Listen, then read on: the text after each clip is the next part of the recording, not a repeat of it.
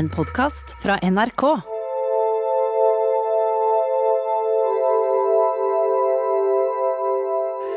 Bestefaren min var så gammel at det ikke fantes vann da han var liten. Faren hans, min oldefar, måtte lage vann selv ved å blande hydrogen og oksygen. De var så fattige og hadde så lite mat at historien vet å fortelle at min oldemors vagina pleide å spise spinat. Om natten tuslet den noen ganger alene ned til spiskammerset, og da hun døde, måtte naboene slå den i hjel med en planke. Oldefar var også godt utstyrt nedentil, og på lørdagskveldene hendte det at han underholdt med små plystreviser med penis.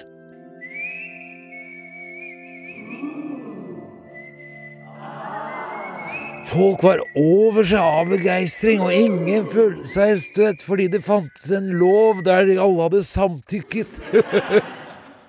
og da han var ferdig, tok de alle bølgen.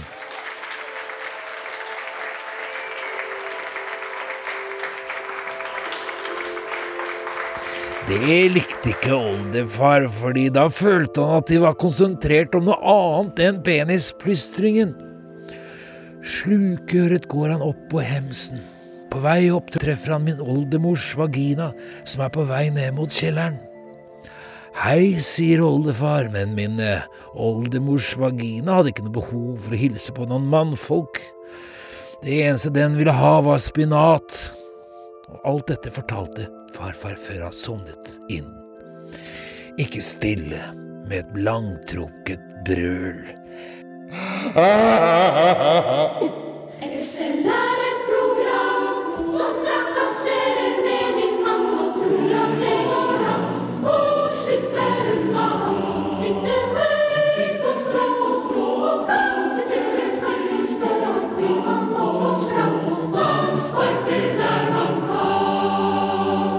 Det var uh, Alida vi her hørte med Talk About What, og, og Alida har fått navnet sitt etter, etter en av de cruisebåtene som stadig frekventerer hovedstaden eh, foran, uh, foran rådhuset. Og velkommen til Excel. Vi er Vorspillerradioen på NRK P1. Og, Tjoho! Ja, Jon er allerede godt i gang med den tredje pilsen. Ja, jeg har det. Det begynte i firetida i dag. Ikke skryt, Jon. Ja. Eh, Jon er tøllagt. Eh, men jeg savner egentlig Jeg likte det egentlig bedre, Jon. Av ånde eh, i alkohol, Ja, men det var, alkoholånden din. det var likte fordi Jon jeg, bedre før enn når han drakk. Ja, du gjorde det. Ja. Men du har ikke for- vurdert å ta opp det igjen litt, Jon? Jo, det har jeg. Ja. Og jeg venter til jeg blir pensjonist. Da skal jeg drikke meg i hjel. ja. Ja, ja, ja. Men Skal du gå av som 62-åring? 67-åring? Nei, det vet jeg ikke. Det kommer litt an på engasjementet mitt her, egentlig. Ja, Så jeg regner med egentlig at jeg går ut i pensjonstilværelse når jeg er ferdig her. Men Så du er legger ansvaret opp på oss? Men er det, er, er det en misbrukers instinkt? Hvis, du, hvis jeg setter at du er en alkoholiker, Mm. er, det, er det noe en alkoholiker tenker at nå skal jeg holde meg edru til jeg, at jeg slutter å jobbe, og da gleder jeg meg til å drikke meg i hjel? Er det det? Jeg er litt usikker, fordi dette gjelder også sigarettrøyking. Og jeg tenker også at i det øyeblikket jeg går med pensjon, så skal jeg begynne å røyke sigaretter igjen. Og det, men det er vel kanskje sånn grunnleggende avhengighetspersonligheten min som gjør disse tingene. Ja, ja, ok. Og dette, det høres ut som man tar ringen til kona di igjen og hører med altså, dette her. Ja, hun vet ingenting om dette her, så, så det er helt greit. Men um, Ikke fortell henne heller, tenker jeg. Nei, jeg har ikke tenkt det. eh, Hun finner ut av det tidsnok, tenker jeg. ja. det tror jeg jo. ja, ja, altså du ja, Hun hører på radio, kanskje? Ja, det kan også godt tenkes, men når vi endelig kommer dit, da så Ja. Lise han kommer ikke til å drikke før han er iallfall 62, da. Nei, helt sant. De som snakker, er eh, Jon Toseth, Hei, takk, takk, takk. takk. Berit Boman, Ja. eh, Espen Thoresen. ja. Japp, japp. Og så har vi med eh, en coach i borti hjørnet som heter August. Og han vil ikke si noe. Ja, han er tolv år og er med som gjest. Ikke sant, August? Bare si ja, da. Nei, han nikker. Eh, men eh, det som var, det er jeg innkalte til debatt. Yep. Det er fint. Ja, kjør debattlåt. Eller vignett. Debatt. Debatt, da, da, da. Takk, Jon. Eh, nå skal vi debattere et forslag fra regjeringen som er noe som heter å, jeg har glemt hva det heter. Samtykkeloven. Ja, takk, takk, takk. Eh, i, I praksis så går altså da samtykkeloven ut på at enhver eh, eh, eh, som skal ha samleie La oss si de er da eh, nylig møtt hverandre, da. Ikke skal ha samleie før de har inngått en pakt hvor de samtykker til å ha samleie. Eh, Dette her er blitt gjennomført bl.a. i det veldig politisk korrekte Sverige og i noen andre europeiske land. Og, og jeg eh, spør ut i luften hva, hva tenker dere om det? Først du, Berit. Ja, som eh, kvinne så er jeg jo eh, for samtykkeloven. Eh, jeg liker også veldig godt at eh, sånne reality-TV-program som uh, Paradise Hotel har valgt at hvis du skal uh, ha sex på TV, så må du vise opp en tommel i videokamera. Det er noe Ja. helt annet. Nå snakker du om en TV-produksjon. Ja, nei, så jeg tenker at det jeg vil, da, bare for å lære hvordan skal vi opp, hold, håndheve den samtykkeloven, så vil jeg gjerne at eh, vi kanskje setter opp kamera hjemme òg. Så vi kan filme når vi har med folk hjem. Så kan de også vise opp en, en tommel, så vi er Ja. sikre på at de vil. Er ikke det en god idé? Nei. Eh, Overhodet ikke. Eh, Det jeg, åpner for en del andre interessante problemstillinger, det, da. Som for eksempel hva da? Eh, altså, jeg tar ikke det forslaget seriøst. seriøst. jeg er ute av debatten. Altså, jeg jeg syns dette er en alvorlig ting, fordi at eh, jeg syns det er en helt idiotisk lov. Jeg forstår ikke hvordan man kan gjennomføre en sånn lov fordi eh, hvis man har tenkt å voldta noen, så vil man da voldtektsmannen Oi, hun sier nei til at vi skal ha sex. Nei, da tar jeg ikke og voldtar henne, da. Jeg forstår ikke hvordan det skal gjøres i praksis. Fordi hvis, hvis man da har en samtykkelov, og begge to blir enige eller uenige, så er det jo ingen vitner til stede, da. Så hva skal man da skal man dra til? Det er faktisk ikke lov å voldta her i landet, da. Ja, eh, men når det er såpass mange idioter som da klarer å gjøre dette eh, likevel eh, glemme Vil det forandres at det er en samtykkelov som sier at man skal gjøre en muntlig avtale? Ja, fordi at du får faktisk flere muligheter å, å teste det ut i rettssak. Nei, det gjør det ikke. Og jeg- det, det blir påstand mot påstand. Og jeg syns det er veldig skummelt at i Sverige så er det 70 flere voldtektsanmeldelser nå. Ja. Og jeg får bare håpe at ikke én eneste av dem er falske. Men det tviler jeg på. Eh, Jeg tror det er mange som benytter muligheten nå til eh, Det er mye lettere å levere inn en falsk anklage mot uskyldige enn det var før. Men hvordan kan det være det? Altså Hvis du har en samtykkelov og man har samtykke, da er det vel ingen grunn til at det skal bli flere voldtektsanmeldelser? Det skjønner jeg ikke Fordi du har flere, eller, du har flere alibier til å gjøre det. Før så hadde du ikke den. Hvis f.eks. Eh, noen blir med en fremmed hjem og har egentlig lyst til å ha et lengre forhold, Ja. men som ofte skjer, da ら den ene parten setter seg i en taxi, vom, borte neste morgen. Den andre sitter igjen og er veldig skuffet og sint. Hva gjør du? Hvordan kan det hende det? Nei, jeg kan jaggu meg si at eh, vi ikke hadde noe samtykkelov, jeg. Ja, men hvis du, hvis du kvelden før har gitt samtykke, så Den er jo null verdt. Det er ikke, for det første så står den ikke på papir, og for det andre så er du ikke noe vitne. Så du kan jo si hva du vil, da. Ja, men jeg tror det er en bevisstgjøring da, eh, som vil hjelpe. Bevisst- Bevisstgjøring er er innbiller seg at det er lov å voldta noen. Nei, men hvorfor legger man seg ved siden av og ligger med folk som sover li eh, likevel, selv om Ja, men man Det er jo voldtekt uansett hvordan man ser på det. Man skal jo ikke ha sex med noen som er bevisstløse. Det, det heter voldtekt. Ja, Det heter voldtekt. Det heter voldtekt. Ja. Ok, det heter voldtekt. Ja, så det er at Gratulerer Gratulerer Og hvis ikke de klarer å si ordentlig ja, så er de kanskje for fulle også. Ja, altså, ja, ja. jeg, jeg tenker litt sånn at hvis du puler en jente, Det- så, det- er det, så er det voldtekt. Hvis Vask- du puler hverandre, så er det ok. Vask munnen din, Jon. Det var Thomas Dybdahl, eh, og alle kjenner til eh, Thomas Dybdahl-grepet. Eh, hvis du ikke kjenner til Thomas Dybdahl-grepet, så råder jeg til å gå på Google. Da vil det stå alt om Thomas Dybdahl-grepet. Jeg vil ikke si noe mer om det, for dette er en radio for voksne.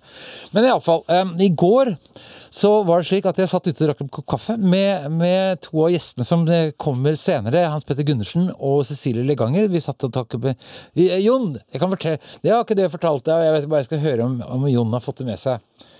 I går, vet du, så sitter jeg på, på Grünerløkka og tar meg på kaffe med gjestene Cecilie Leganger og, og Hans Petter Gunnar. Tom Christiansen kommer også for senere i dag, forresten. Han kommer litt senere. Ja, han kommer litt senere. Han skal snakke om at Gud har et imageproblem, som vi mener, da. Ja. Men så eh, Mens vi sitter der på den kafeen, og så kommer det en mann eh, gående forbi, og så kommer han inn og så eh, henvender seg og sier at jeg ville bare si at den der tulletelefonen hvor vi ringte til det svenske hotellet, var så utrolig morsom. Ja, på 17. mai. På 17. mai. Ja, ja, ja. Det hadde han huska. Ja. 20 år etter. Ja. Og han visste ikke, for jeg sier jeg lurer på om ikke Jon snakket om den i går, sier jeg. ja.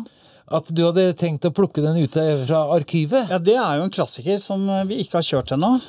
Nei, jeg bare, jeg bare håper at ikke folk har hørt den for mange ganger. Nei, nei. Eh, nei, nei, sier Jon. Nei, Det kan høres eh, om igjen.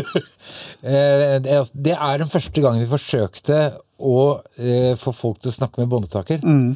Og det vi hadde konkurranse i, det var jo å tippe hvor mange ganger den sløyfa ville gå rundt og rundt før denne stakkars mennesket fra det svenske hotellet oppdaget at han snakket med en båndetaker.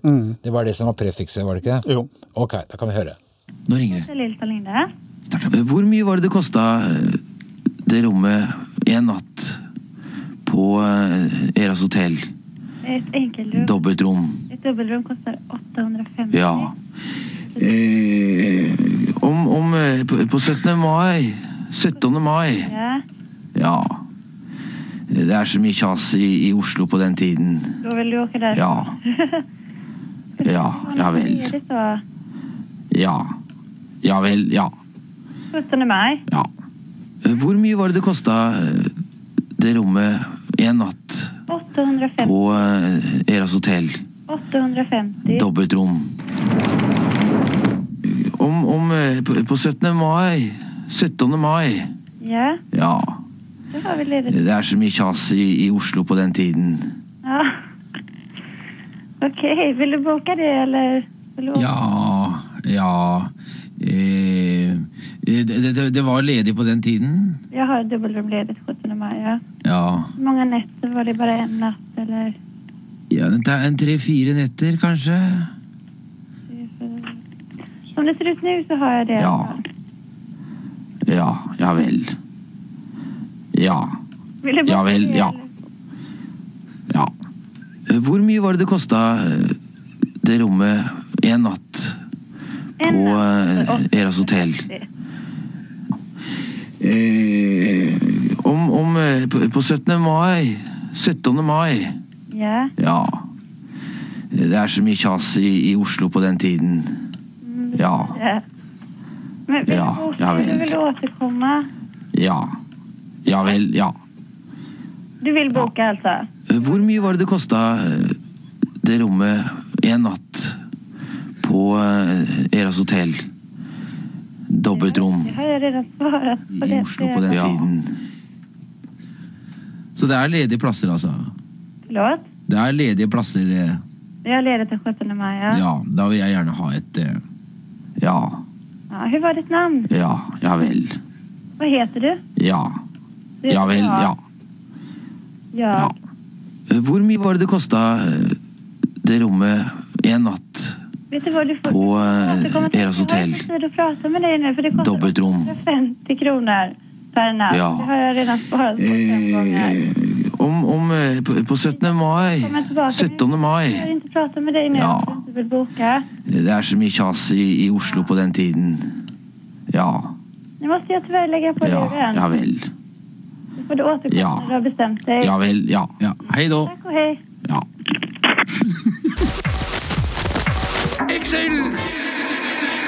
Jon, se her. Ja. Jeg ser, ser Thomas Seltzer har lagt ut på Facebook Jaha. at han ler så mye. Så, så han, han skrev sånn Har brukt store deler av morgenen å le av dette her. Sveip, sveip. Og så sveiper vi, og så står det Dyrebeskyttende i Norge, avdeling Sogn og Fjordane. Så står det bilde av en, sånn- lite dyr, krypdyr eller en gnager. Denne lille vennen ble funnet på parkeringsplassen utenfor ISS Førdre, Indre Hornesvika, Bergen-området. Mangler du ditt marsvin? Ta kontakt med oss snarest hvis din lille kompis er ute på vift. ja.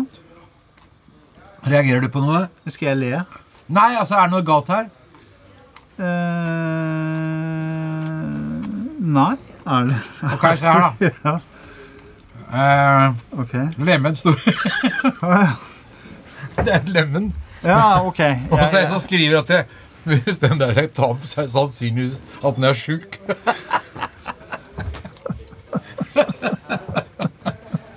Og dette her er altså da Dyrebeskyttelsen som ikke ah. Berits magiske minutter blir ikke bedre enn det. Altså, jeg skal øve litt på den. Ja, det har fremdeles ikke Berit gjort, men eh, det er iallfall blitt jinglen vår. Og det hører på Excel, og eh, vi har Berit og, og Jon i Ja studio. da, jeg, jeg er her, jeg. For å høre Hvis på jeg kan bidra med noe. Ja.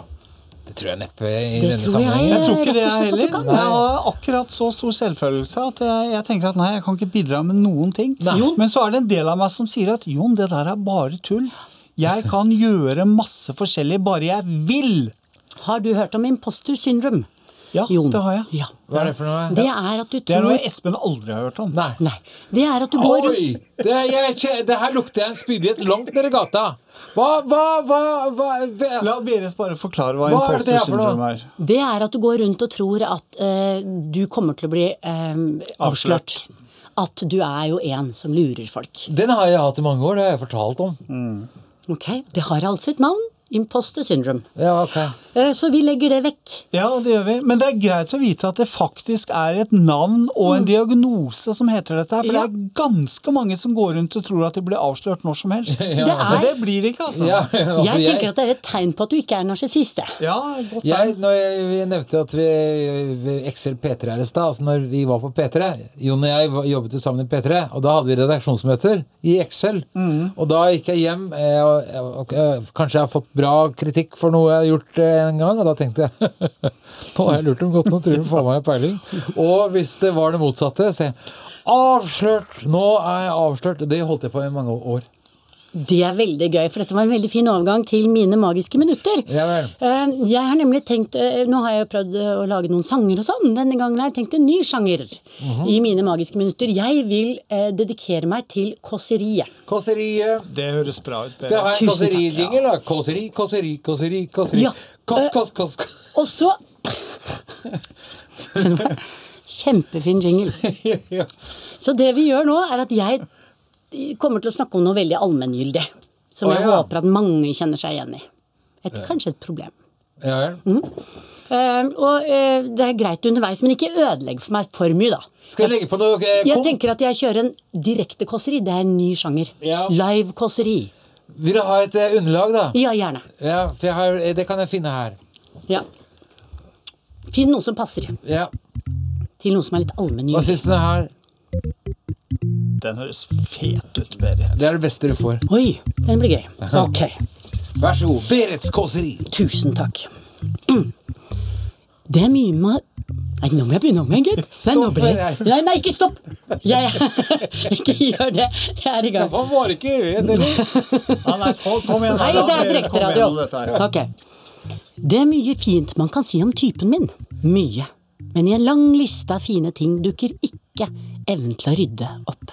Og aller minst evnen til å ha orden på klærne sine, og helt, helt nederst på listen over det han er god på, evnen til å passe på sokkene sine. Uansett hvor jeg snur meg, er det en sokk på vei vekk fra resten av gjengen. Ikke én samler seg med sin sokkepartner på vei inn eller ut av vaskemaskinen. Ikke én er grei og går ned i skittentøyet sammen med den den tilhører. Når jeg går i kjelleren og pakker ut en av kjæresten min sine esker fra flyttelass vi ennå ikke er ferdig med å flytte ut av, er det i absolutt alle bokser, uansett innhold, én sokk. Én sokk, ikke to, ikke tre, men én sort sokk. Nå er det gått så langt at sokkene til og med gjør opprør. Her om dagen var en av dem på vei over steinhellene i bakgården for å løpe av gårde, stikke av til naboen og nye jaktmarker, lete etter en make for å slippe å ligge ensom eller med en som ikke ligner helt engang. Den var ute etter en som forsto, som lignet, som kunne lytte til, og til og med ha et fang å krype oppi. Så hva gjør jeg? Jeg har bestemt meg for å snu trenden. Gjør det godt for sokkene til Magnus. Ta hintet.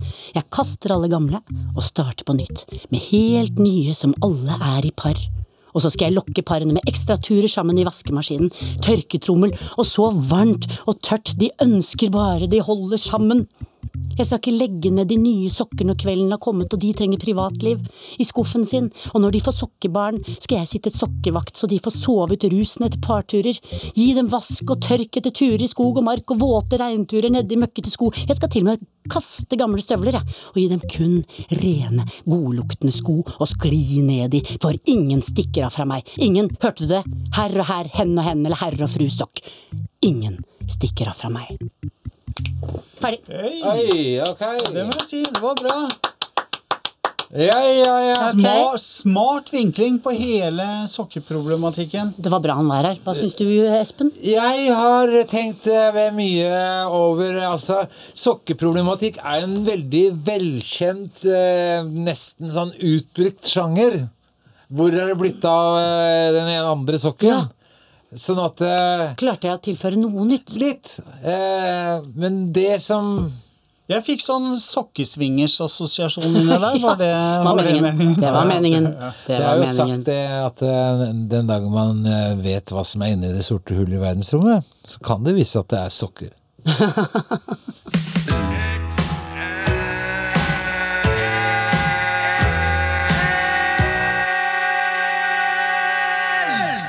Jon, hvor er det hva for noe? Eh, vi har spilt en låt. Hvilken låt var det vi spilte? Ja, Det er jeg litt usikker på. Den høres kjent ut, men jeg klarer ikke helt å plassere det den. står liksom. ikke på tavla, vet du. Nei, det gjør ikke det. Nei, er det ikke selveste Ole Kristian, vår eh, selverklærte husomse, som er på besøk? Hvordan har din homouke vært, eh, Ole Kristian? Eh, den, oi, den har vært fin. Den har vært fin. Egentlig, ja, litt. Men det har inntrykk av at du trives så godt med å være homo at de fleste ukene er fine? Ja, egentlig. Det er en deilig situasjon å være i. Ja, det er det. Ville ting vært annerledes hvis du hadde vært hetero, tror du? Ja, jeg tror litt det, for det hadde jeg hatt litt flere bekymringer. Åhå! ja. Ja. Fortell. Hvorfor det? Nei, jeg bare, det virker liksom som om man da liksom Da skal man være bekymret over barn, og så om damer liker en og ikke sånn, og så, Ja, er og så jo altså- du- skriver man melankolske Det er vel ikke forskjell og på om sånn. liker en eller mannen mann en annen Nei, mann. nei, men man blir sånn litt sånn trist. Da blir man sånn, da må man like Neil Young og sånn, Bob det er Dylan og sånn. Det Og det er er litt trist. Det er, liksom, ja, det er du- så, du- du det er så det er triste trist. sanger. Så du Altså, går man... rett for Grand Prix, du da? Ja, ba, Du- du er sammenligner- disco, ja. Du mener at du rakker ned på heterofil som liker Neil Young, og så kommer du her som en homse og sier nei, ja, jeg liker nemlig Melodi Grand Prix. ja men, men, men det er ikke noe forskjell egentlig på det. Men jeg bare tenker at det, Jo, det er det! Rockelivet gjør jo heterolivet så trist. Det virker bare da? som om det, Jo, sånn, ikke sant. Det er ofte sånn Sånn som Johnny Cash og mange av disse her som synger om liksom hvor vanskelig det er å få den jenta. Altså, nå har de sunget om dette i 60 år. Er det ikke noen som snart får en i rockelivet da? Men, ja. men, men er, er ikke prinsippet med mann søker mann noe av det samme som mann søker kvinne? Er Er ikke noe jo samme opplegget, egentlig? Jo da, det er det. Bare at vi synger ikke om det. Eller vi gjør det på litt andre måter. Jeg skjønner. Jeg skjønner. Men ja, fortell om eh, homouka di. Liksom, er, er er, hvorfor er det skjedd noe? Eh, jo, fordi at jeg eh, Akkurat denne uka her har det vært fint, for jeg har kjøpt meg litt nye klær. Og så Hoi! det er veldig gøy. Og så er, det fryktelig, for jeg har lest at den skobutikken Bianco skal legge ned hele kjeden. Og det, der har jo jeg lagt igjen utallige månedslønner gjennom tidene, så det er sikkert fordi at jeg slutta å handle der. Men der har vi det, vet du, Ja. Ole Kristian. Homser har en kjøpmani på masse sko. Spør Jon hvor mange penger han har brukt på sko i det siste. Hvor mange penger har du brukt på sko i det siste? Jo. Eh, Hva er det, det siste? Siste året? Siste tiåra, da. Siste Det er siste, tiåret? er siste året. Siste året? Ja. Ingenting. Penger i lomma! Penger Ja, jeg har sånn at du vet at ikke sant, det står ett par Eh, ikke sant? Vanligvis så det står to par 1500 kroner, ikke sant? Ja, ja. Og da kjøper jeg to par, for det er jo spart. Ikke sant? Før så kosta de 2000, og så, Ja, og så nå riktig. koster de 1000. Da har jeg spart 1000 kroner, kjøper ett par til, så jeg har spart enda 1000. Nei, nå har jeg på meg noen litt stygge grå støvletter, fordi at Ja, ja, eh, det det av det der. Nei, nei, nei. Dette er sånt resonnement som kona Ja. mi driver med. Hun, Hva da? Og det der å, å regne ut hvor mye man har Hun bruker ordet tjent, da, og Ja. ikke spart. Ja, ja, ja altså jeg har tjent. Hvis det er ikke sant, et eh, par sko til som egentlig koster 200 kroner Nå Hør nå. er vi, vi er inne i en blindvei her nå. Altså. Det, oh, ja. bare, altså, det er greit å snakke om både Melodi Grand Prix og Neil Young, men dere to er på full fart ned i en blindvei oh, ja. som er fullstendig stengt. Ja. Sånn, Ole Kristian, Ja. tusen takk for at du Jo, bare hyggelig. Jeg kommer en annen gang òg, kanskje. Eh, nylig var det en, eh, nok en prest som eh, sto fram i media om at han ikke ville gå på kirkegulvet med eller samarbeide med kvinnelige prester, og dette er ikke noe nytt, men eh, Tom Christiansen, velkommen. Du er både hel, ved og kristen, og så det jeg tenker noen ganger da, som en eh, sekulær eller agnostiker, er at noen ganger så tenker jeg at Gud eller Jesus eller kirken har et imageproblem. Hva tenker du om det? Kirken har eh, mange problemer. Imagen er kanskje en av dem, men eh, Det største problemet er jo at eh, folk stort sett ikke er oppdatert om hva som foregår i kirken. De går der ikke, og får ikke med seg verken velsignelsen eller nåden, eller forkynnelsen, får ikke med seg den fantastiske musikken, korene, orgelet. Altså det er veldig mye folk går glipp av hvis de ikke går i kirken, hvilket folk burde gjøre. Som er, det er en del av det å være nordmann, at du holder deg orientert med det som skjer rundt omkring.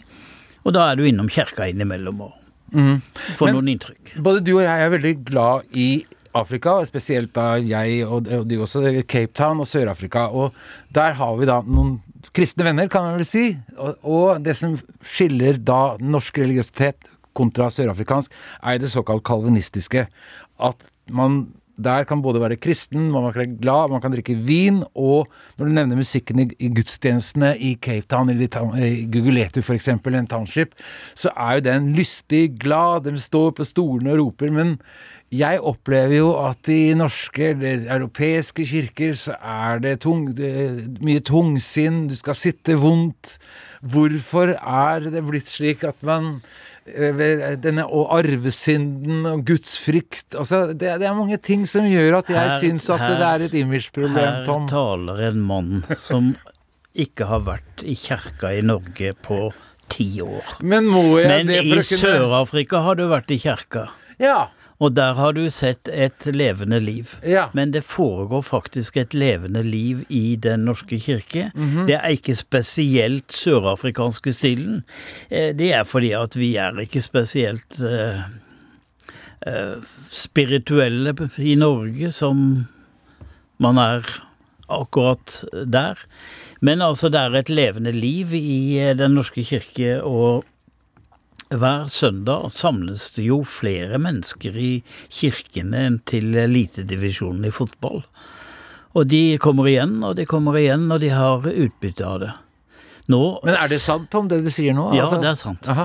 Og nå sauser du sammen noe rare greier med Ja, men nå må du passe på å ikke bli for nedlatende her, Tom, fordi Jo. jeg representerer ganske mange som ikke vet så mye om norske kirken. Og det jeg representerer, er jo de som ikke vet så mye, og som også har slitt med at å snakke med religiøse, at, er at de ofte kan virke nedlatende når de stiller helt adekvate spørsmål. Jeg vet ikke hva du mener med nedlatende, men det du øh, var inne på, var tristheten i øh, det kristelige liv. Og det er en myte. Den er ikke der. Du kan finne den i enkelte trange menigheter, du kan finne det enkelte steder. eh, Men jeg har ikke sett noe til det når jeg går mye i kjerka. Jeg er mye rundt omkring. Da er det sånn at det er jo fremdeles gudstjeneste på norsk radio, og de gangene jeg slumper til å eh, komme innom, så jeg syns ikke det er så veldig lystelig å høre på. Nei, vel, vel, men jeg, jeg, jeg syns det kan være litt eh, banalt av og til. Det eh, kan jeg tenke meg, når gudstjenestene får mer preg av å være barnetime enn uh, høymesse. Men eh, Nei, du, du får bli med meg rundt, eh, Espen. jo, ja, men Grunnen til at du er invitert, er jo for at jeg har hatt interessante diskusjoner med deg før, og at jeg respekterer dine holdninger og meninger. Men eh, det jeg synes, eller spør, stiller spørsmål ved, da, er om ikke Kirken trenger en reformasjon nok en gang. En up to date som kan henvende seg til unge mennesker eh, i større grad enn det de gjør i dag. Dette sier du fordi du ikke har lest den boka jeg skrev for tre år siden. Jeg har lest uh... Den het Da Gud skiftet mening, og er fortellingen om hvordan Den norske kirke i løpet av de 50 siste år har endra seg fra å være en konservativ, borgerlig institusjon til å bli en radikal bevegelse som Sylvi Listhaug hater og kaller at det er bare sosialister hele gjengen. Har ikke noe med det å gjøre. Men kirken er et sted som i sin etikk er opptatt av rasisme, atomvåpen, miljø, klima og gjestfrihet i betydningen Norge skal være åpent for flyktninger og folk som er i nød. Jeg tror faktisk jeg har lest den boken, skjønner jeg, Tom, men det er ganske lenge siden. Ja, da har du all det er et par kapitler du har glemt. Ja, ja, men det er ikke alle som har lest boken, så da snakker vi på vegne av dem som ikke har lest den, ikke sant? Ja. Men en annen ting som jeg har eh, stilt meg spørsmål ved, og som jeg også snakket med den katolske eh, eh, lederen i Oslo, som jeg har glemt navnet på, men kanskje du husker? Eidsvig. Ja, tror jeg det var. Ja, Bernt Eidsvig. ja, det er nettopp det her som Og kall det et naivt spørsmål, Tom. Det er jo det at jeg tenker på da Mange mennesker er kristne, mange er ikke-kristne. Eh, hvis du er kristen og allikevel slem, kommer du da allikevel til himmelen? Guds siste ord til både deg og meg, eh, Espen Thoresen, er at 'jeg elsker deg'. Det er Guds siste ord. Eh, kristendommen er ikke for de fromme. Aller minst for de fromme. Kristendommen er for folk flest. Eh, Gud og hans sønn Jesus, eh, han virket her på jorden, og han vanket blant helt vanlige mennesker, til dels veldig langt fra eliten. Der var det han hørte hjemme. Og der er det vi alle hører hjemme. Og øhm, min tro er ingen øvelse i å gjøre gode gjerninger. Det skal man gjøre, men det er jo ikke det som er det avgjørende eh, grepet. Det er ikke slik at hvis man har gjort noe feil, så er man utenfor Guds kjærlighet. Den tanken er meg fullstendig fremmed. Alle er elsket av Gud. Jeg hørte erkebiskop Desmond Tutu en gang si Osama bin Laden is a child of God. Så gjorde han en pause, og så la han til Even George Bush is a child of God. Men ut ifra det du fortalte før låta, Tom, om at Gud er pragmatisk når det gjelder hvem som skal komme til himmel eh, eller ikke, så kan vi også gå inn på da f.eks. agnostikere hedninger. Hvis du er et godt menneske, og dette mennesket har tatt feil Gud finnes. Det er et godt menneske som har vært det hele sitt liv, vil du allikevel komme til himmelen. Ja, altså, jeg eh, tror jo på en himmel. Eh, noen spør meg om jeg tror på en fortapelse. Altså eh, Et, et helvete. Altså, det helvete vi har fått beskrevet, det stammer jo ikke fra Bibelen. Det er det Dante som har lagd. Det er noe som er kommet til siden. Men altså, at det fins en mulighet for det, det er beskrevet i Bibelen. Dette er teologien veldig lite, lite presis på. Uh, ordet helvete fins f.eks. ikke i den svenske bibelen. Eh, ordet helvete det er bare en omskrivning av navnet på et dalføre utenfor bymuren i Jerusalem. Gehennadalen, som er blitt til helvete. Eh, som er en slags sånn betegnelse av utenforskap, altså utenfor det store fellesskap som var innenfor i eh, Jerusalem. Men jeg har jo ikke sett Gud. Jeg har noe kontakt med han, men jeg har ikke sett han. Eh, og jeg vet heller ikke hans, eh, hans løsninger. Men jeg vet jo at han på den ytterste dag, det er min tro, skal dømme oss alle. Hva har du drevet med? Og det er et stort regnestykke. Men hvorfor finnes det et ord som eh, gudsfrykt, som er et forferdelig ord? Altså Du skal ha en gud som på ene siden skal være glad i deg, men som samtidig eh, skal være, frykte. Hvor kommer dette fra? Det er jo et veldig gammeldags ord jeg sjelden hører. Men eh, gudsfrykt er, tilhører en sånn tid hvor Gud ble blandet sammen med andre autoriteter, som eh, lensmannen og presten og øvrigheta. Eh, Gudsfrykt var man skulle frykte Gud. Eh, jeg finner Jeg bruker ikke det ordet, men jeg finner noe mening i det. Eh, Ja, Jesus har beskrevet livet sånn det bør leves. Han har satt opp noen idealer som jeg tror vi kan være enige om at vi vil følge. Med kjærlighet og med tilgivelse, fellesskap og alt dette. Og så har han også vært veldig barsk og sagt at dette, dette er Guds bud. Og hvis eh, Hvis min gudsfrykt består i den følelsen av eh, feil som jeg gjør ved å være iskald mot andre mennesker, ved å snu ryggen til noen eller eh, ellers være en utrivelig kar, ja, så skjønner jeg det. Men eh, jeg vil nå heller si jeg har respekt, men det er Respekt er et bra ord. Respekt er et bra ord, men det er jo ikke det jeg forbinder med, med, med, med Gud. Altså, Gud har mange ansikter, men det ansiktet som han snur mot meg, det er jo det kjærlig, omsorgsfull, eh, men også krevende. Men når det gjelder Bibelen, det står jo ting der som er vanskelig å tro på selv for kristne går ut ifra, annet eh, med at hvis du har en hudsykdom, så skal du flytte ut av byen og rope 'jeg er uren, jeg er uren', eller Jonas som bodde tre dager i fiskens buk. Eh, Det er mange rare historier. Når jeg tenker da på det først og fremst Det gamle testamentet, hvor, hvor folk ble flere hundre år gamle osv. Men er det slik at man som kristen kan velge bort det man ikke tror på, og så tror man heller på noe annet? Og i så fall, hvordan kan man gjøre det? Fordi det er jo da Bibelen er jo da en, en samling tekster, og de som ikke har blitt med, heter apokryfene, og hvem har valgt ut dette tekstene? Det blir jo ganske utvannet etter hvert hvis man da bare skal på en måte handle inn eller shoppe eller cherrypicke akkurat de delene av Bibelen som man liker eller ikke liker. Ja, det er, jo, det er jo noen som går og shopper i Bibelen, men hvis du ser på kirkens historie, er den helt annerledes.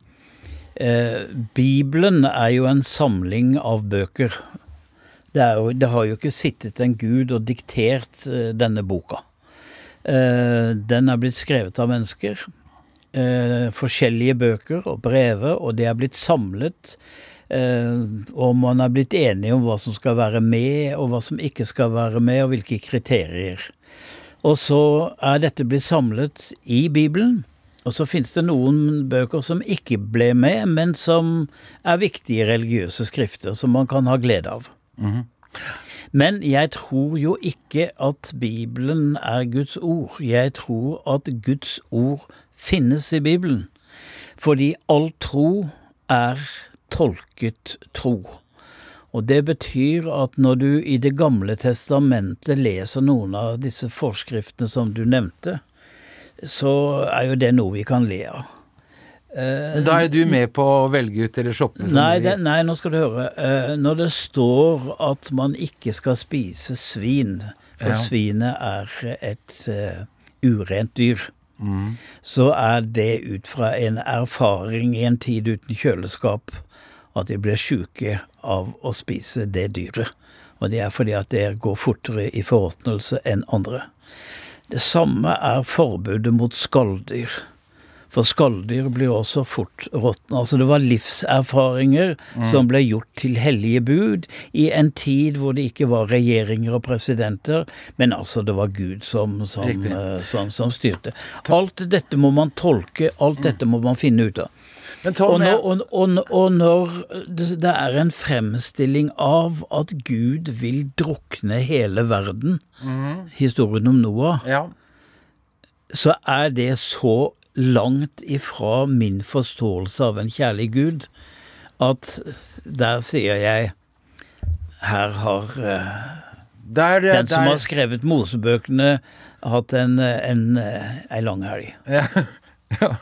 Det er der jeg tenker at Gud er slem. Eh, men til slutt, om jeg bare runder, altså, er det presten eller er det Gud som har kommet på at det er en god idé at mennesker leve, mennesker skal leve i forsakelse?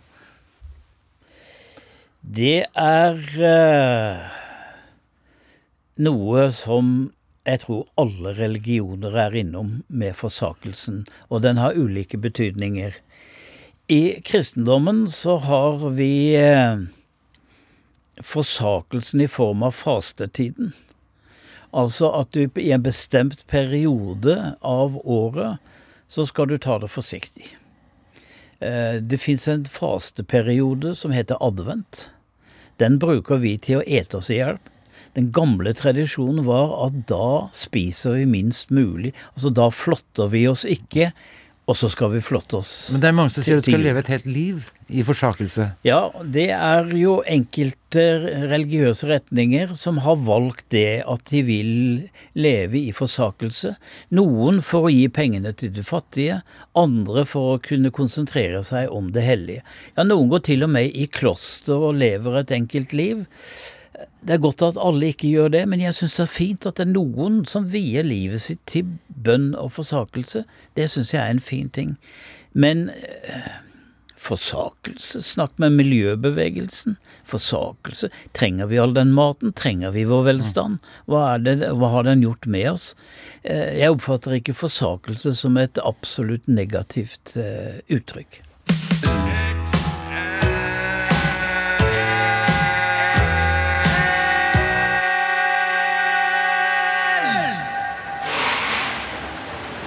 Hallo, Espen. Går det bra? Du, Ja, eh, jeg var eh, Han som ligger under bilen der borte. ja. Jeg hadde litt moro med han, for jeg sa at eh, Pass deg rotte, sa jeg. Og så beit jeg han i leggen, så slo han hodet opp under eksospotta. ja, det er morsomt. Det er artig. Ja, det er kjempegøy. Sånn Ja. humor er jeg også Ja, ja, du ler av det? Ja, jeg hyler, Ja. skogler. Ja, nei, ja. Ja. Men eh, hva, hva syns du om Tom Christiansen-intervjuet? Uh, du fikk jo litt tyn, da, når du påsto at Norske kirken var kjedelig. Ja, men altså, det, altså Ja, han yppa seg det i begynnelsen. Ja. Men det er typisk det, Tom Christiansen er en smarting. ja. Han lar seg ikke dupere, sånn at, men samtidig så kan han skremme folk hvis han ikke vi hadde kjent vi kjenner hverandre. Mm. Men jeg lot meg ikke lure av hans lille angrep. Og du tenker på det som en hersketeknikk, rett og slett? Nei, det vil jeg ikke tillegge ham. Men eh, Nei. det er jo mange kristne som bruker eh, dette her med at en blir litt krenket osv. For at de, jeg skulle gått, gjerne gått mye lengre med han. da F.eks. det der med hvorfor skal kirkebenkene være så harde? Og vet du hvorfor det, Tom? Nei. Fordi ikke folk skal sovne. Det sier noe om underholdningsnivået, gjør ikke det? Jo, det er helt sant. Men eh, han eh, Nå har du snakket deg litt bort ifra det som i utgangspunktet var hans, da. Nemlig at du faktisk ikke har vært i en norsk kirke på 30 år. Har jeg gått glipp av ja, Altså, jeg var jo nylig på konfirmasjon Nei, jeg var ikke i kirken, nei. Nei, altså, det var ikke sant. Det var alt, alt du Har har, har å gjøre, er humanistisk eller Ja. borgerlig eller sånne ting. nei, altså det hender jeg i vannvare kommer borti søndagstjenesten på radioen. Ja, på Så P1, ja. Gi meg en be pause, altså. Give me a break. Jeg Ja. sier jeg blir kvalm. Excel! En av Norges mest kjente glutenallergikere, Cezinando her, med 'Ingenting blir det samme, men samme for meg så lenge jeg får gluten', heter denne låten her. Og de som sitter i bakgrunnen og ler litt, det er både Altså Berit, selvfølgelig. Ja. Altså, Jeg trodde han bare var intolerant, ja, men ok. Hva var det jeg sa? Ja, glutenallergiker, ja. Jeg er ikke allergisk og intolerant det samme. Berit, Nei. er du bare ute etter å være spissfindig? Eh, det er, intoleransen er jo på vei. Eh, Hvis du skal være glutenallergiker, så må du ha, da må du ha diagnosen, ja. Må ta sånn fæl ekkeltest. eh. Talk to my hand. Eh, velkommen, eh, Cecilie Leganger Takk for det. og Hans Petter Gundersen. Tusen takk, Espen. Det eh, er jo blitt viden kjent i, i Boulevardpressen den siste tiden at dere har blitt et par. Eh, og, og bare for å være litt personlig i begynnelsen, så hadde vi et elektrisk øyeblikk hvor det var bilde av dere på forsiden av VG. Vet du hvor jeg skal nå, Hans Petter? Nei. Det var bilde av dere to, og så var det bilde av eh, jeg og en eh, viss fotballspiller som heter Jon Arne Riise ved siden av. Og så var det bilde av et par til, og gjett hvem det var? Det var kongeparet. Kongeparet. Ja, det var Blir ikke mer celebert enn det. Nei, det, det, er, det er akkurat der piket karrieren. Eh, Men eh, hva, hva Altså, dere er nygift. og, eh, Hva gjør dere i Oslo? Vi, vi er vel på en sånn liten honeymoon, kan vi vel si. ja, bryllup- bryllupsreise. Dere er på bryllupsreise i Oslo. Jeg syns det er så vakkert. Og da er- velger dere å bo på fint hotell, gjør dere ikke det? Nei, vi bor på båten til Espen. Ja. Altså, vi Hotellet er ikke fint nok for oss. Nei, nei, nei. altså, det ble plutselig veldig navlebeskuende. Jeg tenkte bare å holde det Nei, det utenfor. er nydelig å bo på båten din. Altså. Ja, ja, fint det. Flott det. Eh, Men eh, hva har dere gjort for noe mens dere har vært her? Ja, Da må jeg nesten ta det kronologisk. Nei, det trenger du ikke å gjøre. Ja, jo, jo, på tirsdag så var vi, hadde vi en heidundrende fest med, med Per Sundnes. Fra klokken eh, tolv til klokken fire. Per Sundnes, altså journalisten Per Sundnes. Ja, fra tolv til fire, og da måtte vi legge oss i sekstiden. Altså, du snakker på dagtid. Ja, vi, vi var, møttes på noe vin. Ja. Ok, eh, da hører vi at dere blir kjent med Per Sundnes underveis. Ja. Og, så, og Og neste dag så hadde vi podkast hvor vi faktisk intervjuet han. Dagen etter, ja. Og så var vi på den eh, Aksel Mm. Svindal-filmen. Aksel Svin eh, Svinna. Ja, og da for første gang endelig har kommet på rød løper. Ja, jeg så bildet av dere i VG. Det, det er også som en liksom eh, Jon, bare kom inn, for du skal spille live her. Jeg tenkte kanskje du være med og se på Tenk Eh, etter å være så profilert eh, musikkprodusent i så mange år og ikke fått sjansen til å gå, øh, gå på rød løper før du møtte Cecilie Ganger. Ja. Da fikk du sjansen. Nei, jeg er så- redusert på til, sportsfilm. redusert til typen til Cecilie. Ja, det blir typen til Cecilie. Det som er litt artig, da, altså, Jon eh, Du har jo også kjent eh, vi- eh, Hans Petter eh, vi, jeg, vi laget en dokumentar sammen, vi var i USA og bla, bla. Men så er det sånn at eh, vi har jo mange felles venner, og så vet dem at eh, Hans Petter og hans nye kone Cecilie er i byen, og så ringer Ja, og hvordan kan vi få møte Ce- Ce- Cecilie og Hans Petter, da? Nei, i, i dag så er de på premiere med Aksel Lund Svindal, og det var visst noe nachspiel det snakk om da hjemme hos Jon Olav Koss. Eh, og så har da min nye favorittsetning, Jon, det er Dere forstår det at eh, Hans Petter tilhører idrettsmiljøet nå.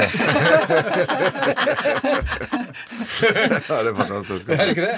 Ja, det er enormt. Det er det eneste jeg ikke har hatt befatning med, tror jeg. Ja, nei, det var Så langt det. i livet. Men hvordan har det vært for deg, Cecilie, å bli befatning med rockemiljøet? Og altså, jeg er helt eh, utmattet av eh, positive opplevelser. Så det går jo i eh, rock og pop og eh, kunstneriske innslag og skjønne, nydelige folk. Eh, egentlig fra morgen til kveld, vil jeg si. De siste dagene har vært helt fantastisk. Eh, men man kan bli utmattet av, av eh, opplevelser òg. Ja, Men hva så etter, etter du la opp i ganske ung alder med håndballkarrieren din, og så er det da en sånn sort tur til verdensrommet hvor du ikke vet hva Cecilie Lilleganger har holdt på med, før du da plutselig popper ut som en fullbefaren musiker. Men Nei, det var ikke sånn, Aspen. Hun la opp Ikke- ikke- hæ? Nei, du, det, ikke alle som vet helt hva som er historien. For det, Ja, men Det er det jeg skal fram til nå. Jeg vil gjerne vite hva hun har gjort i mellomtiden. Nei, hun la ikke opp når hun var 20 og begynte på igjen når hun var 21. Og holdt Ja, på til hun var 39. Ja, ok. Yes. Hvor gammel er du nå? Du, nå er, det lurer jeg av og til på sjøl. men nå er jeg 46. Ja, men da er det fremdeles sju år her, da. Ja, men hun var proff til hun var 39. Ja, men Kan vi ikke bare ta hvor Hans Petter, Ja. kan vi bli enige om at det er syv år som er et sort hull i verdensrommet? Ja, men det er mye bedre enn at det, at det, at det, at det er 30 år imellom, for det er jo ikke feil. Sånn. Men Hva har du gjort de siste syv årene? Og jeg har, vel egentlig brukt eh, Jeg har brukt litt tid til å finne ut eh, hva jeg vil.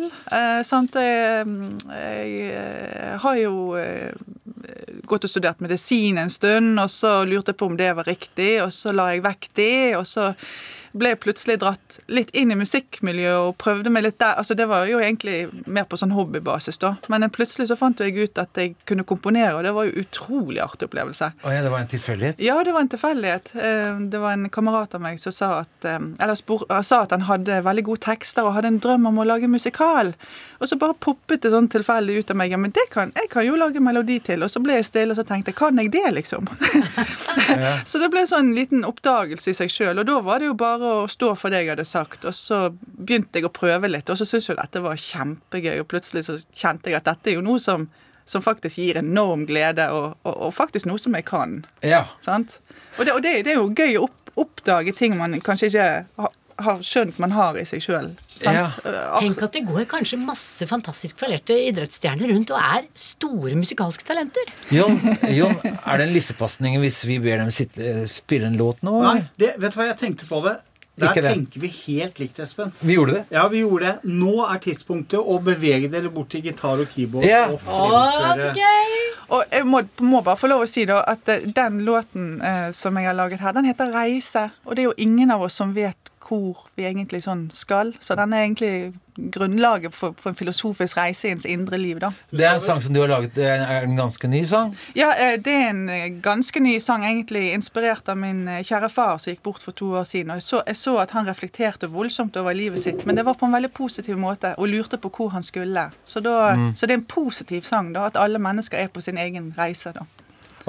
Ok. Da går det Vi har satt opp eh, piano, og ved, ved siden av oss er det en gitar. Og eh, er det du skal synge, Cecilie? Nei, det blir nok ingen synging for meg. Det er en instrumental i dag? Ja, Ja, men du sang jo så nydelig her forleden dag! Det får, det får bli på neste kurs. det. Ja, ja, ok. ja. Hva er det du leter etter, Hans Petter? Å ja. Vi hører forsterkeren durer i bakgrunnen her. Dette er til å ta og føle på den stemningen som nå ligger i rommet. Du skal ha hodetelefoner, Cecilie. Ja, Det skal hun få. Eh, Dette er ja, vil du ta disse her, da, eller? Er det de der her? Ok. Ja, du hører altså på Excel på NRK P3. Nei, P1. P1, ja. Gammel. Eh, og de, de sitter seg nå klarte å spille en eh, sang som heter, eller en låt som heter 'Reise', laget av Cecilie Leganger. Er eh, yours truly, Cecilie Leganger. Og hennes ektemann Hans Petter eh, Gundersen. Ok. Ok.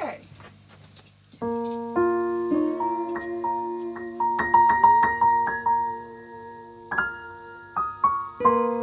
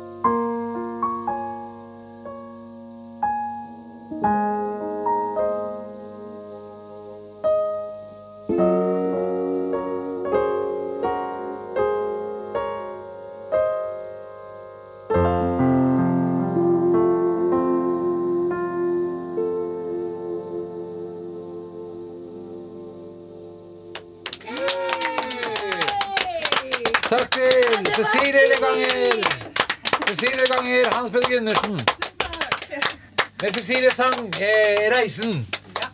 Nydelig. Eh, ord blir fattige, som min far sa. Hva vil du nå, Jon? Eh, jeg vet ikke helt. Jeg. Hva, hva tenker du, Espen? Jeg er egentlig åpen for det meste. Å ja! Hvis du skjønner hva jeg mener? Ja. Sånn, uansett hva du sier, bare legger til hvis du skjønner hva jeg mener, så er det alltid det som pornofisering. Men um, det, ja, det er bryllupsreise i Oslo. Eh, dere Hvor har går veien videre etter det, lurer jeg på? Nei, men Fortell om hva som skjedde i, i går og i dag. Ja. For i går så var vi og, i studio til Tommy T ja. og begynte på en ny låt med et uh, band vi har sammen. Har startet noe som vi har enorme forventninger til, faktisk. Som heter eh, The One and Onlys.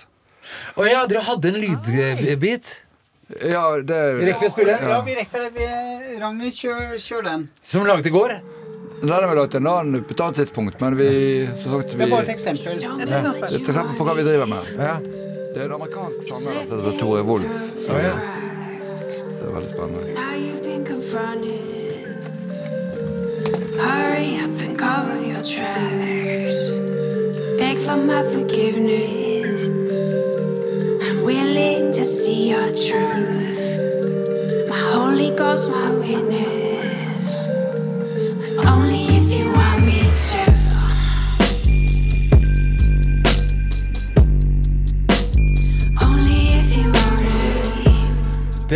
Det er, altså, det er Tommy T, det er Cecilie Ganger, eh, Hans Petter Gundersen og Tore Wolff, og så er det en som heter, en som heter Nora Cheng fra Kina med det. Ja, det er hun vi vet hvem er. Og da får bare takke til deg at du kom, mann til Cecilie Ganger. og Cecilie Lange Ganger, tusen takk for at dere kom. Og så lykke til videre, og god tur hjem til Bergen. Tusen takk. Tusen takk. takk.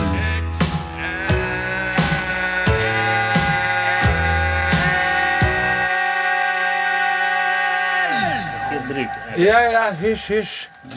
Ja, det kan du bare ta. Er altså, Du kan bare bruke den, Jeg bor rett der nede. Jeg hører det. Ja, ja, Jeg hører den ned på ja. Vent litt, Per. Kan du bare vente litt? Han? Det er Per Larsen, dikteren, som snakker. Og denne gangen så har han da kommet seg inn med et hjemmelaget uh, Ja, Jeg trodde jeg la det ut på Facebook. Facebook, eh, men jeg kan prøve igjen senere. Du har altså da laget et eget adgangsbevis. Det er ikke riktig. det ja, nei, det, det er ikke riktig. Jeg, jeg har vært Ja, men jeg har en litt uh, gladmelding da, på den måten at jeg, det er jo uh, flere som har oppfordret meg til å ikke søke, men også vurdere den nye Kringkastingssjefen skal gå av. Eh, ja. Og, og, og derfor så har jeg blitt invitert. Jeg hører hvor dette går. Jeg har blitt invitert til en samtale i dag. Det er derfor jeg har det der midlertidig kort. Og derfor er det jeg har det, det kortet. Eh, og, Det og det var en veldig god samtale. Jeg, den varte i to timer, og jeg har jo veldig mange sterke, eller Hvem var det sterke med? sider. Ja, det var med noen i mellomledelsen i, i NRK. Ikke styre, ikke styre, altså. Du ble intervjuet av en mellomleder. Jo, men det er en jeg kjenner. Ja, men det er, ikke, det er ikke så viktig. Ja.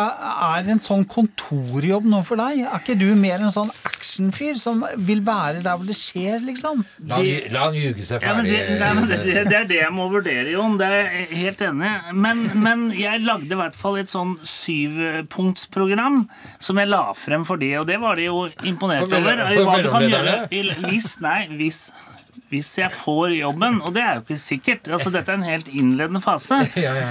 Men, men det programmet går på, da Det er jo litt sånn 100-dagersprogram, men det er syv dager, så skal det gjennomføres. Og det første jeg skal gjøre, er å gjennomføre medarbeidersamtale med hver enkelt medarbeider. I hele NRK-systemet. Ja, i NRK.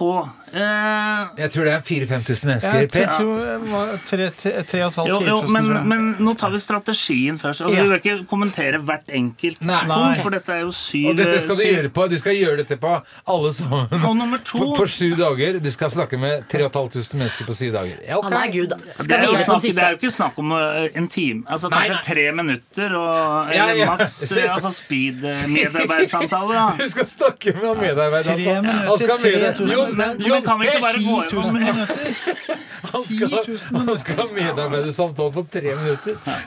Det er døgnet Men kan vi ikke bare gå 250 gjennom lista først? da, så kan jeg- ja. Og så er det dette med parkering. Altså, Du har jo eh, stasjonen, altså programmet P1, P2, P3, P13, og at man lager det samme på parkeringen. Altså Ja, ja, Litt, som, litt sånn som det er på Gardermoen. da. Altså Parkeringsområde 1, de skal til P1. Altså Nettopp. Besøkende og ansatte. Da får du litt mer struktur, Struktur på hvilke- parkeringen. hvor er fordi at i dag så er folk vet jo Nei, vi kan parkere hvor som helst, liksom. Ja. Og NRK1, NRK2, NRK3. Ja, P1, P2, P3. Ja, Hvorfor, hvorfor, hvorfor, er det en, hvorfor er det en faensak at eh, den skal parkere? Nei, det var, det var nummer to. Men la oss tenke litt større her. okay. Ikke gå Altså tre eh, og, og, og- og det er elefanten i rommet her. Altså, og, og det er det store spørsmålet. Hva er hensikten med TV når man har radio? Ja, det er et godt et godt Å, spørsmål. nydelig. Ja, ja, du mener at vi skal gå til angrep på TV-en, ja? ja, ja. Nei, men altså, Jeg mener jo for eksempel at radio det kan du ha på hjemmekontor. Det kan du ikke med TV. Nei, Hvorfor ikke det? Nei, fordi at det er mer avansert med filming og alt sånt. Hvis du, er hos, hvis du er hos tannlegen, så kan ikke tannlegen stå og se på TV mens han ikke sant? Da må du være radio mens Helt han jobber i munnen din. Og det er helt riktig. Og der snakker vi om to milliarder kanskje Ja. i besparelser. At det blir ikke Ensjø, ikke Min erfaring er at det går helt fint an å se på TV mens de kjører bil. Men så du skal lage, du skal lage et fiendebilde eh, av, av Ja, er, dette, er dette litt sånn Machiavelli-toner? Punkt fire flere mellomledere. Det er ikke Flere, ja. Ja, flere mellomledere. Altså, det er, kan egentlig ikke bli nok eh, Delegering av ansvar. nok ja. Mer delegering Mer delegering av ansvar.